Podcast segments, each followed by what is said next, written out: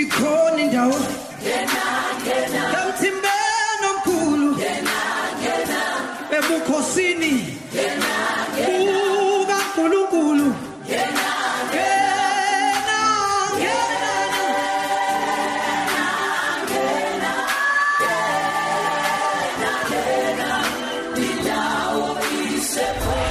uNkulunkulu nomuntu omusha. Ngiyabonisa moto.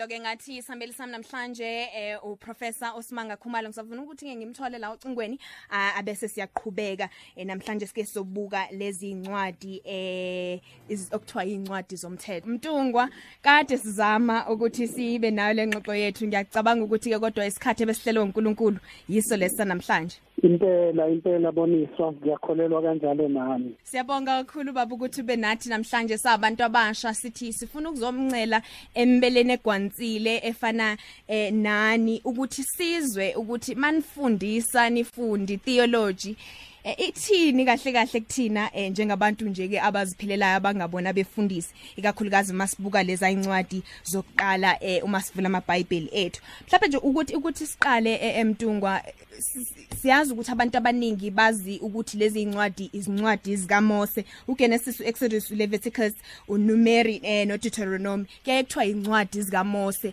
uma ngabe abantu bengazibizi ngeincwadi zomthetho. Yingani kuzithiwa incwadi zikaMose? Zibhalwe ubani?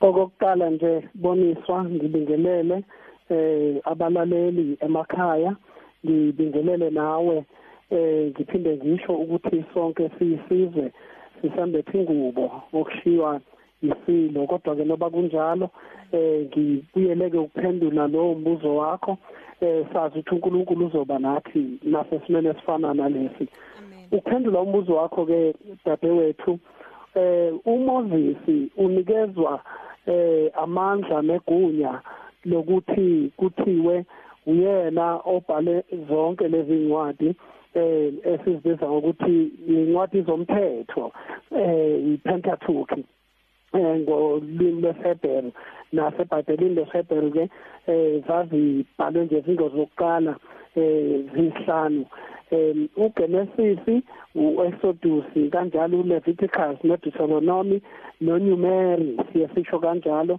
Eh wa- zibizwa ngokuthi zabhalwa uMoses eh ngokuhlonipha nje ke uMoses futhi ke nangokwazi ukuthi esikhathini esiningi ababhali abaqondile eh ekungathiwa yibona abazibhalayo a- abaziwa esikhathini esiningi. Kwakuye ku- kwakusiko ke olwenziwayo ukuthi bese kubhekwa ukuthi labo bebekade bebhala bebelandela ubani ubani owayekade bemhlonipha kakhulu eh ngomsebenzi wakhe nangamagalelo akhe kulowo msebenzi wokuqopha. Bese ke kunikezwa yena na kwezinye incwadi incwadi zoPaula eh kukhona ezinye ezingazange zibhalwe uPaula ngqo. Eh kodwa zabhalwa abantu ababekade bekholelwa emfundisweni kaPaula bese kuthiwa ke ezikaPaula. So kwakuyindlela iBhayibheli elathi maliqoshwa lihlanganiswa ya- yasetshenziswa kwesinye isikhathi. Eh ngempela eh, u- sizokhumbula umlaleli uzokhumbula ukuthi engosini edlule kusikhuluma ngayo eh, indaba ye- yesifundo seBhayibheli sasibuka kona zona incwadi lezi eh, eh, eh, ezi ezi attributed noma ekuthiwa ezika Paul eh mangaba ke mhlawumbe prof ungasidwebela isithombe salezi incwadi eh, zonhlanu eh ekutheni e- e- eyodwa e- e- inye yazo i- i- ikhuluma ngani? Mhlawumbe uma usibuka uGenesis us- usidwebela isithombe sokuthi siyazi abaningi bethu bayazi ukuthi eh uma ngaba sikhuluma ngoGenesis sikhuluma ngokuqala kwazo zonke izinto lapho uNkulunkulu edala khona umhlaba. Kodwa siyakhohlwa ukuthi khona futhi izethembiso lapho uNkulunkulu asezinikeza uAbraham njalo njalo.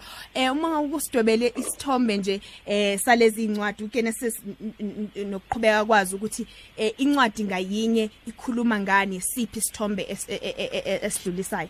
Okay dadethu okokuqala njengoba ubukade usushilo uGenesis eh usidebela isithombe sokudalwa eh komhlaba nakho konke nje ke okukhona eh usinikeza ukuthi umbuzo omkhulu abantu abebekade bezibuza wona ukuthi kwaqala kanjani konke ukuthi kube nempilo kube nomhlaba kube nakho konke namazulu nani yonke nje into ekhona yenzeka kanjani?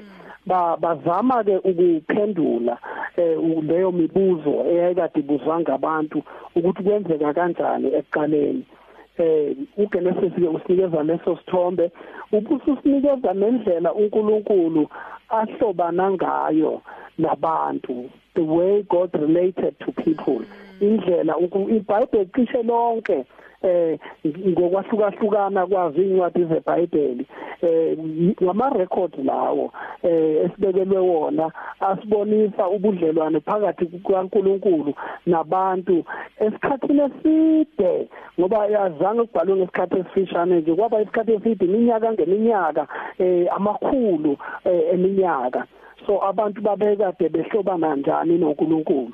So uGenesis ke usinikeza ukuthi sazi ukuthi uNkulunkulu wawudala kanjani umhlaba wabadala kanjani abantu wa relate kanjani kubantu. Isibili okwesibili kube uExodus. Exodus uzama ukusibuyisela ngoba uGenesis uphela lapho abantu sebese Gibhithe begcilazekile uExodus uzama ukusibuyisa ukusibuyisela enkululekweni. Lapho sizophila khona sibonisa isithombe abantu sebephila benebudlelwane futhi obuhle bubuyisela ubudlelwane bungaphansi kukaNkuluNkulu beyisizwe sikaNkuluNkulu njengoba uNkulunkulu ayekade efisile ngesikhathi ebabeka eh, ensimini yase-Eden sibabe nobudlelwane naye.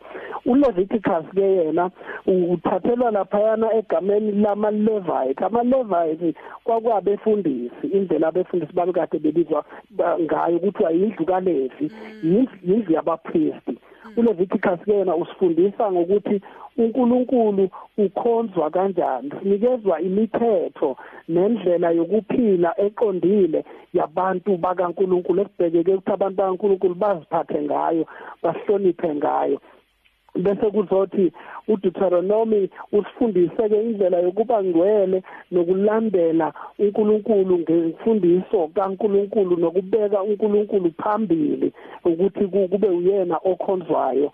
Eh okwegcina ke uNumeri sesithena ke ngokungena kwabo abantwana bakwaIsrayeli eh eKhanana ezweni lesethembiso ukuthi lokho uNkulunkulu ayekade ekwethembise oAbrahama kuqinisekile ngokuthi kwenzeke bafike ezweni lesethembiso. Ukuqala ngokuqala kwabo kube nama-sensors kubalwa ibalo ukuthi baba babengabangaki ukufika kwabo labo. Okusho ukuthi sifanele sethembe ukuthi uNkulunkulu akwenzile athi kuAbrahama ngiyobenza abantwana bakho babe balingane nezihlabathi zolwandle.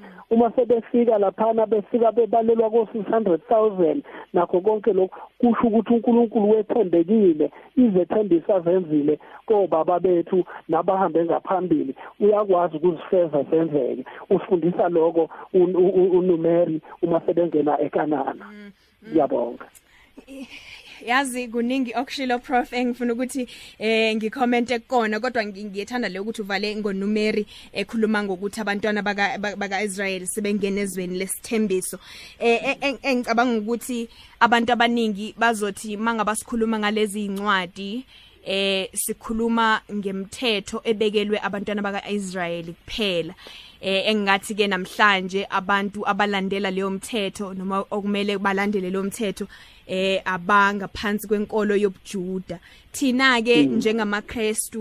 njengamaKristu eh si si si relate kanjani mangasebenzisa lelo gama nje eh kulezi incwadi ukuze sisenzele umqondo nathi sazi ukuthi zikhuluma nathi eh uma ngaba ibekwa indaba ukuthi uNkulunkulu ukhonzwa kanjani kule Leviticus sazi ukuthi nathi isakhuluma nathi leyo ndaba ngoba uJesu ufika ku Mateyu athi eh Matthew 5 verse 17 athi angizange kuzochitha ngizogcwalisa umthetho nabaprofeti Mm. Siyabonga boniswa muhle kakhulu lo mbuzo. Okokuqala nje ukuthi eh iBhayibheli njengoba sibheka eh ngoba kuqhakambiswa kakhulu uIsrael lapha yana. uIsrayeli ukhethwa uNkulunkulu abantu bakaNkulunkulu abakhethayo uNkulunkulu ngoba uzama ukuvuselela ubudlelwane bakhe nabantu. Ubudlelwane ayekade nabo. Uma ngesikhathi kungakabi nesono abantu base basentimini yase-Eden lobudlelwane obuhle na- nabantu uNkulunkulu kwangena isono ke sabaphazamisa abantu salimaza ubudlelwane noNkulunkulu.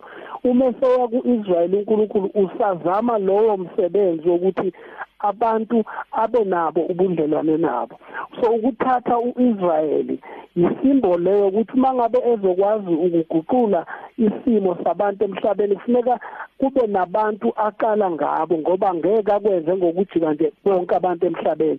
Akube nabantu eh ithimba noba isizwe azosebenzisa ukuthi simazi kahle yena uNkulunkulu sifunde indlela uNkulunkulu afisa ukuthi baphilisane noNkulunkulu ngayo balandele imithetho kaNkulunkulu baphathwe balawule imithetho kaNkulunkulu nokumkhonza nangakho konke. Ukuze bonke ke abanye abantu abazoba nobudlelwane noNkulunkulu babheke kulesa sizwe esiphila ngemithetho kaNkulunkulu njengoba sithi iTorah le imithetho kaNkulunkulu balandele lapho baphile lapho. So uIsrael wenziwa nje waba isibonelo ukuze azokuba imvubelo eletha ulwazi olujulile lokuthi abantu bangaphilisana njani noNkulunkulu. So lemithetho ke nazo zonke incwadi lezi eh ukuthi kwakwenzelwe uIsrayeli eh kusho ngoba kwaqala kunikezwe wona. Kodwa kwenzelwe bonke abantu bakaNkuluNkulu abafuna ukwakha ubudlelwane babo noNkulunkulu buqine busimame bube nekusasa elihle. Ukufika kukaJesu eqinisweni kufika kugcwalise ezinye zalezi zinto ezazikade zenziwa uIsrayeli. Ezinye zazo kungathola ukuthi asisekho kangako isidingo sokuzenza ezinye zaso siyadinga ukuzenza ngoba akazichithanga uJesu. Sisanawo umthelela nokubaluleka ukuthi abantu abakholwayo bazenze uma benza ubudlelwane babo noNkulunkulu. So lingo lethu iBhayibheli nene Old Testament nayo ngeyethu njengabantu abakholwayo because phela abantu abakholwayo nakufika kuJesu nakuNew Testament sebayisizwe sikaNkulunkulu esisha esingathi sebawu-Israyeli omusha. Kodwa u-Israyeli osuhlanganisa bonke abantu abavela ezweni lonke nabantu abamaZulu nabantu abamangisi nabantu aba lonke uhlobo lwabantu lukhona uma sebamukele uJesu baba u-Israyeli omusha okungaseyena lo owenziwe ngobujuda nothi uyizalelwane yamajuda. Kodwa ngaphezulu kwaloko kuhlanganisa izizwe zonke bonke abantu abaphakamisa igama likaJesu abeza uNkulunkulu ngoJesu Kristu. Zonke izizwe zomhlaba ziyakukhuleka kuwe eh zithi unguJehova Jireh. Eh ngempela kana kanjani sisizwa kahle eh prof indlela osilandisa ngayo. And isingcabangisa la ukuthi ngokulandelayo ngifisa ukuthi sikhulume ngeincwadi zabaprofeti silandise nje kanjalo njengoba uJesu ethi akaza ukuzochitha kodwa uzogcwalisa imithetho nabaprofeti eh sifuna ukuthi ngelinye ilanga sibuke incwadi lezi ekuthiwa izincwadi zabaprofeti eBhayibhelini kodwa eh mhlawumbe sesivala prof eh, mina nje wami wokugcina umbuzo ngaphambi ngibheke ukuthi ku social media bathina abantu abasha ekhaya. Eh, silandela kangakanani lemithetho eh esiyithola kulezi incwadi? Ngiyazi ukuthi incwadi kaLeviticus iyayibe nemithetho kakhulu abantu abasha baye bathi hawu kuthiwani mangaba kushiwo kanje ngiyazi ukuthi umthetho ofana nokuthi eh singa singabhobozi indlebe njalo njalo lo ukuthi phecelezi piercing eh singabe nama tattoo kodwa abantu abasha izinto abafuna ukuzenza lezo izinto abathanda ukuthi eh babe nazo. Silandela kangakanani lemithetho mase sifika kwimithetho enjalo ephikisana nendlela ebesithanda ukuthi siphile ngayo eh sithatha kanjani? Oh dadewethu kakhulu imithetho yonke eseBhayibhelini yayenzelwe ukuthi abantu bayihloniphe ukuze kusizakale bona. Abantu abazona iziboshwa zemithetho ukuthi bayilandele noba ingasenayo indlela engabasiza ngayo noba engasho lutho kusikhathi abaphila kusona. Uma ubheka phela imithetho le yabekwa eminyakeni eyinkulungwane ngeyinkulungwane zeminyaka yabakhona. Eminye yayo ayisasho lutho ayisebenzi ayimsizi umuntu ayibusizi nobudlelwane bakhe noNkulunkulu. Efana naleyo hayi asikho isidingo sokuthi sibe siyiqaka nje ngezinto ezifana nalezo eh ukuthi sivele kodwa kukhona imithetho yokuzihlonipha yokuziphatha yokuhloniphana uma niphile ezweni nimhloniphe noNkulunkulu nihloniphe omakhelwane nabazali nakho konke. Okuyimithetho esebhayibhelini futhi ebalulekile nanamhlanje esingathi uma siyilandela isenze sibe abantu abaphusile nabanempumelelo nokuhloniphana nokuhlalisana kahle nje nanokuhlonipha uNkulunkulu. Yileyo ke imithetho efuna sibha okusho ukuthi imithetho akufanele siyilandele ngoba ibhalwe phansi. Sekufuneka sihlaziye ukuthi injongo yawo yini? Yini uma siwubheka namhlanje eh siwusebenzisa sisezweni lakithi namhlanje ngo2021 engasenzela wona lo mthetho ukuze sibe nenhlala kahle nabantu nanoNkulunkulu. So kudinga ukuthi sihlole sihlaziye imithetho singayihloniphi njengoba kuyimithetho bese siqindezela wonke umuntu uthi akawulandele umthetho njengoba unjalo ivangeli phela akulona elencindezelo elenkululeko kubona bonke abantu abathanda uJesu. Mabe abantu bekhulule uJesu bayokhululeka kuze kube phakade. Amen. Siyabonga kakhulu eh prof eh, ngibona lana nabantu ku Twitter na ku Facebook eh abantu abasha ngempela bayabonga. Upalisa eh Zanele uthi ngibingelele boniso ngesiqubule sithi mangadunyisa uJesu Kristo uthi siyabonga kakhulu ku professor ngokusifundisa eh ngalendlela umpume emasikane ethuma naye uthi yazi yabaleka lento eh ukuthi enisifundisa ngayo ukuthi iBhayibheli silifunde ngokuliqonda hayi nje ukuthi silifundele ukushumayela Prof angi angikudedele ngiyabonga kakhulu ngesikhatsi sakho umsakazweni Khosi FM ngelinye ilanga futhi siphinde sikwazi ukuthi sikhulume njengoba kade ngishilo ukuthi eh kuyodingeka ukuthi sibuke lezi incwadi eh, ezabaprofeti eh, encwadini eh noma ngithe testamenteni elidala. Ngibonge kakhulu dadewethu ngibamba ngazo zombili. Thank you. All right. Uyena ke u reverend u professor uSimanga Khumalo webandla la ma Methodist eh Methodist Church of Southern Africa. Namhlanje lo kade sikhuluma naye lapha kwisifundo sethu seBhayibheli. Sike sithi sabantu abasha sithi masivula nje lencwadi engcwele.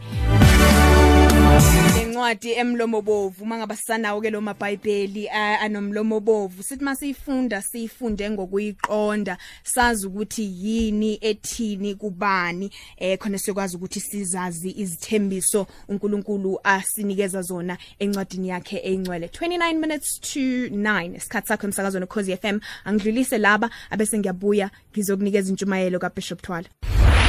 uNkulunkulu nomuntu omusha. Nobonisomoto. uNkulunkulu nomuntu omusha emsakazweni ukhozi FM igama lami ke uboniswa moto. Ngiyaye ngibe nawe nje njalo ngalesi sikhathi. 8 ke ku9 kusihlwa kuyisonto. Ngikuthembisile ke la ngathi nginentshumayelo kaBishop Thwala intshumayelo enamandla le intshumayelo eh, esinikeza isikhumbuzo sokuthi sinalo igunya lokuya kuNkulunkulu siyomkhumbuza ngezithembiso zakhe.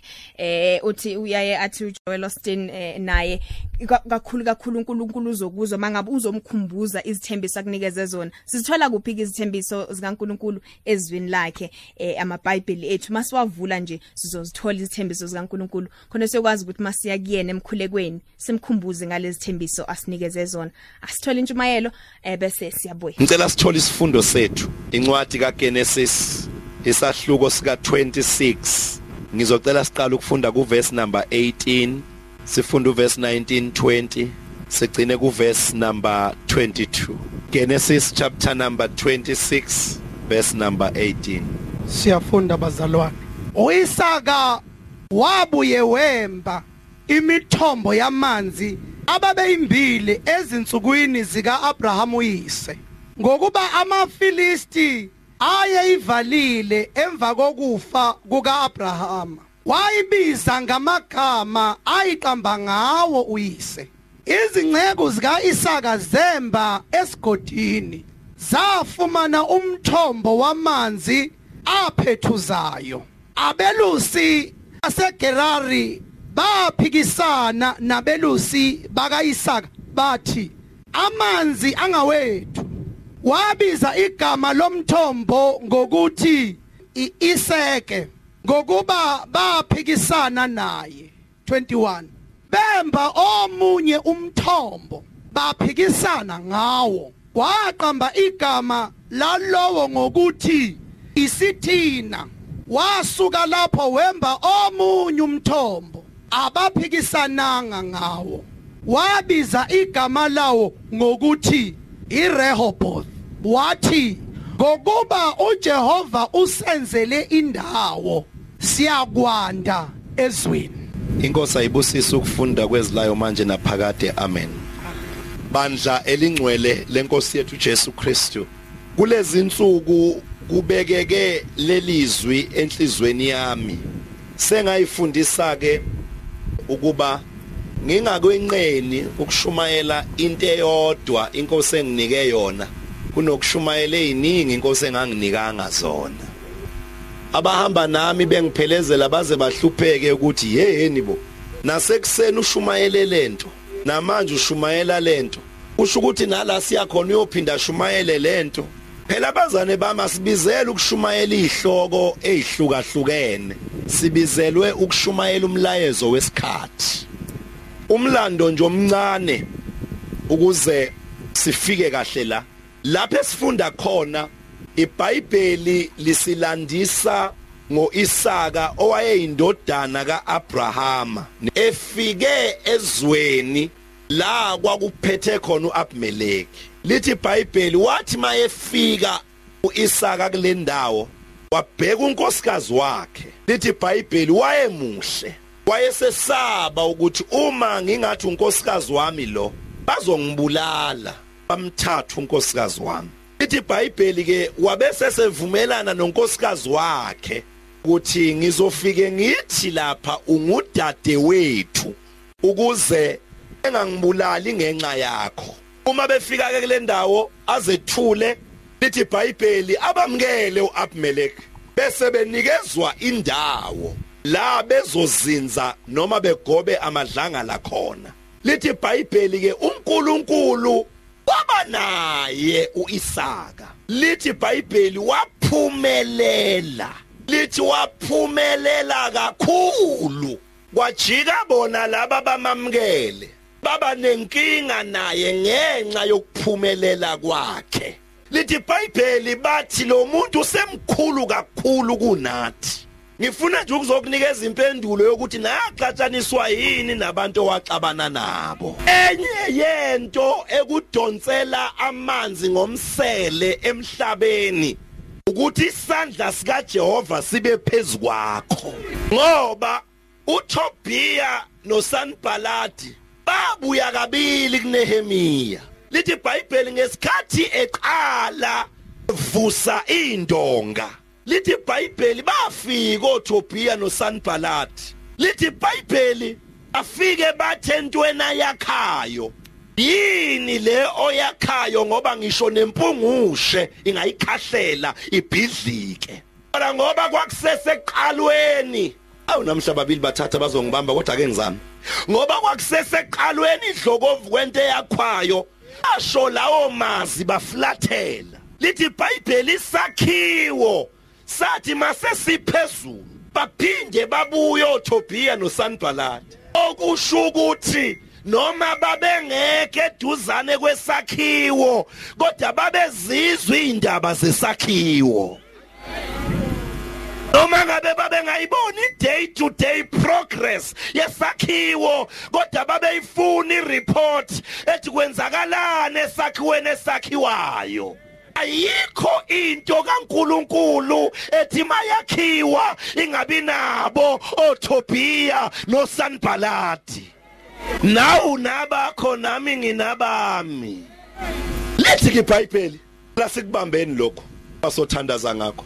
Uma bebuya isibili bamthola ukuthi usesesikafuleni uNehemia ngoba khona ilevel esithi masakha kuyo bese siyanyuka. Abasigcina siqala bekhuluma nathi kule level. Kufanele ukuthi mabezokhuluma nathi kule game kube yibona abaphakamisa amehlo. Ngoba asisekho la basishiya sikhona khona. Ukube ngishumayela abantu abangizwayo bengizosheshisa ngithi kwangazathi inkosi ingakwenza kahle ukuthi abakushiya la uma bebuya bangakutholi la bakushiya khona. Bathola ukuthi indawo kusaseyiyo kodwa izinga akusesesilo.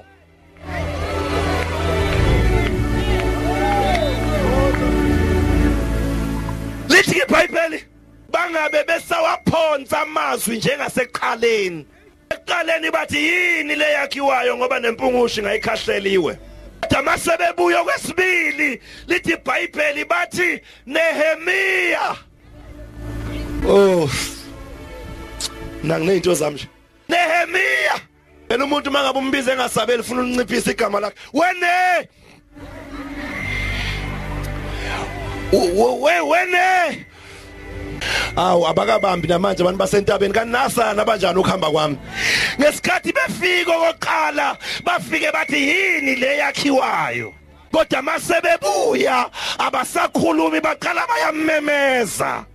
Ngoba ikhona into ethi kubo ilevel esimi kuyo. Noma singaqala sikhulume singamemezanga mhlambe lokho esikukhulumayo angeke kufinyelele kuye. Ngoba akasekho kwilevel la sikwazi ukukhuluma khona naye asizwe ngaphambi kokuthi simbize ame asizwe ukuthi siyam addressa wenehemia sicela wehle sifuna ukukhuluma nawe. Hayibo izolo bafike bakhuluma. Namhlanje unehemia akakayibeki iPA kodwa abeze kuye bayizwela isidingo sokuthi lo ilevel akuyo manje. Sekufanele before sikhuluma naye sicela iattention yakhe. Nehemia Sicela wehle. Sifuna ukukhuluma nawe. Ngiyabona nabanye nabantu ngangizwanga net nangazwa yilaba siorganizela lento bangithena ngehla lapha phezulu ngizentabeni kwaba khona into ethi yayibona lento la ikhona manje. Seyifike la kuzawusondela khona abantu. Nakuseza ukusondela bayo sekuzawusondela nabazoyifaka unyawo ngoba naseyinje seyinamathuba. Ngoba kukhona abantu abake bafike kube ngathi bazolekelela wena kanti kuzolekelele kabona. Kwangathi ningafaka izibuko amadlokovu nicheckisise ngoba njengoba seyinje sekuzosondela nalaba abazothi mabefika sicabanga ukuthi inkosi yasiphendula kanti sitha siyangena. Ake ngifake ikhoma la ngichaze lento lengishoyo ababe semkhunjini bamba khe ababe semkhunjini oya entalashishi owawushoda ngomuntu oyedwa uzoduma uye entalashishi athi makungena uJona bathi Nkosi yami saze sabonga siyahamba. Kanti abazi ukuthi bebengcono belinda umuntu oyedwa. Kunokungena kukaJona. Olabantu laba kanti nikuphi namhlanje na? Uyazi khona izinto ezingcono zingagcwele. Ngoba makufika abayigcwalisayo kuba yilazi shabalala khona. Abasemkhunjini wasentashishi bathi makungena uJona bathi saze sabonga wasilekelela. Sesiyahamba siyentashishi kanti abazi ukuthi longenayo bazolahlekelwa impahla yabo. Ngenxa yalomuntu ongenayo longenayo bazolahlekelwa izinto abayilande ekujuleni. Ngenxa yalongenayo kwangathi inkosi bingakwenzela umusa ukuthi uhlale wedwa kunokufikelwa ngabantu abathi mabefika ulahlekelwe izinto osuyisebenzela isikhathi. Lahlekelwe izinto. Bengishilo namhla ngathi ngizawushumela abantu abathathu. Abanye izwi labo belizo lalikho namhlanje. Ngoba akukho itimela bayigibele. Yebazane ne- benazi na ukuthi usathane akayi la uNkulunkulu engayikhona enikwazini lokho? Ukuthi usathane nje akalibeki la uNkulunkulu engayikhona umehluko nje ukuthi usathane uvama ukufika kuqala. uNkulunkulu engakafiki ezodisturba ifocus. Yalo olinde uNkulunkulu. Ukuze makufika uNkulunkulu. Wake wahlupheka wathandaza waseyingxakini walinda. Kuthi makufika uNkulunkulu uthola ukuthi ngendlela osiwahlupheka ngayo awusathembi lutho. Hawu nina abazalwane nabazalwane bana. Wa- wa- wake washayeka. Kangakuthi noma sekufika yena uNkulunkulu kube ngathi ungambuza ukuthi awuyiprove eqala kuyakamkeli ngoba kade ngilokhu ngithi yiko yiko yiko yiko. Kungesi we we awuveza ipasi uye yini uNkulunkulu? Ba ngikhathele ukule wake walinda athi noma sekufika yena uNkulunkulu ungathembi. Hayi ngoba ungamthembi uNkulunkulu ngenxa yendlela osuwashayeka ngayo. Endlela siwashayeka ngayo. Ugcina ugcina ungasathembi. Ho ngicathi ngiyayikhulumela. Hamba obuza uGideon. uGideon kwafika isithunywa sasezulwini sona impela isithunywa sasezulwini sathi Gideon qawe namandla wayilindi ke lo siyaqeda ukukhuluma wathi uGideon right uthi kunjani wathi uGideon uthi ngiyiqhawe enjani yathi ngilosi ngithi qhawe elinamandla uJehova unawe. Wathi uGideon right uma ngabe uJehova unami njobusho uma ngabe uthi uJehova una ngithi uthi uJehova unami right usho njalo ngithi yathi ngelosi yes what right ngicela ukubuza net lapho kulowo ndawana yokuthi uJehova unandi. Uma ngabe uJehova nami lezi zinto ezisehlele zisehlele kanjani uma ngabe uJehova ena? Bazala ke nifundeni iBhayibheli ningalifundeli kuyoshumayela uthi uGideon uma ngabe uJehova unathi lento esiphakathi kwazo zehle njani? Wake wafika la ufisa khona ukuye entabe abanye kade belapha ekseni entabeni. Ungayanga ngothandaza ukuthi uyaphila Jehova. Ungayanga ngokhule uthi akekho njengawe. Uyokhuleka into ethi weNkulunkulu ucela ukubuza ukuthi into yami nawe ithini? Ah wazani bami sondelani hlobo zami sondelani. Wa- wake waye emthandazeni uyobuza weNkulunkulu ngicela ukubuza ukuthi kahle hle emgceni ngiwunamba bani? Ngifuna ukuza indaba yami ukuthi ngiwunamba bani useza noma awusezi? Lento isazokwenzeka noma ngeke isenzeka ngoba into engimangalisayo ngingcwele ngigcinile ngiyanikela kodwa mangithi ngiyafika umpriest umemezela abantu engibazi kahle nje ukuthi abayiphili nalento kodwa bathola izinto ngicela ukubuza uNkulunkulu kahle hle usebenza kanjani ngizobuza wake waya kuJehova uyombuza ukuthi uma ngabe uthi unami uthi unami uma ngabe uthi unami lezi zinto engehlelayo zingehlela kanjani unami That's what Gideon asked the angel. Wathi uma ngabe uNkulunkulu unathi lezi zinto ezisehlele isehlele kanjani? Tshela umakhane ziyabehlela. Hayi mtshela thani ziyabehlela. Nabahamba kahle. Uthi ngathi mawuhamba kahle ipackage ihlangene. Uthi a- a- a- a- abahamba kahle abavivinywayo ukuze bangacabanga ukuthi ukuhamba kahle kwabo kubenza babe immune to test and trials and tribulations kodwa bazi ukuthi nabahamba kahle bayalingwa nabahamba kahle bayavivinywa nabahamba kahle bayangena einhluphekweni kodwa uJehova ulungile abakhiphe phakathi einhluphekweni bavule izindlebe moyeni khona umuntu engikhuluma naye oyibuzayo ukuthi kanti kuyoze kube yinini inini nginikela? Yemntana mama lalela uma ngabe inkosi isakubeka ezingeni elilodwa ima kulelo zinga. Ayikho into ebhlungu njengokuyinyusa kanti inkosi ayikakakunyusi ayikho into ebhlungu njengokwenza ngathi sewufikile kanti inkosi ayikakakufikisi. Ithi mayifika inkosi izokuthatha ikuthola ukuthi sewenze ngazuthi kanti inkosi mayisakusa la ifuna ukukusa khona. Angibuyele kulento kaNehemia ngoba khona engakushiya kube ingozi lithi iBhayibheli uNehemia nakalapha phezulu.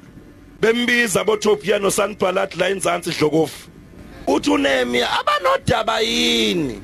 Kungithathe into enzima kabi ukufika kulezinga engikulo ngeke ngikwazi ukwehlela indaba enani. Uma ngabe le ndaba ibaluleke ngempela nyukani madoda.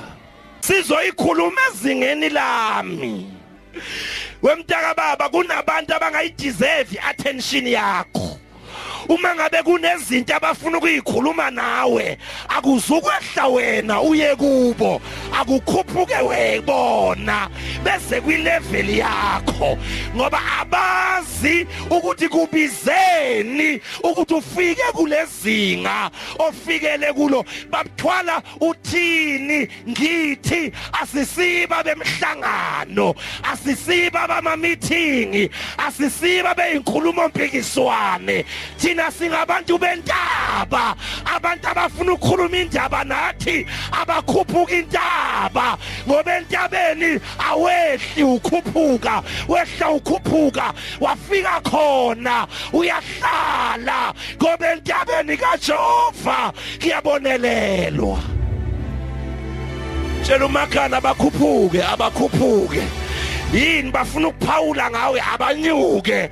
Yini khona into abafuna ukuyikhuluma ngokuhluleka kwabantwana bakho? Abenze kuwe. Ayikho indaba yami ezongehlisa entabeni ngiyoyikhuluma enzansi. Abanendaba nami abanyuke. Sohlangana entabeni. Enye into eyisitha phakathi kwami nawe ukuthi sivumele abantu abangekho entabeni. Ukuthi basehlise entabeni inyuke kanzima kangaka. Bengasehliseli nokuzokhuluma into zaphezulu. Besehlisela ukuzokhuluma into zaphansi. Ingakho besho kalula ukuthi yehla ngoba bayazi kulula ukwehla kodwa kulula ukukhuphuka. uNkulunkulu nomuntu omusha. Nobisa moto.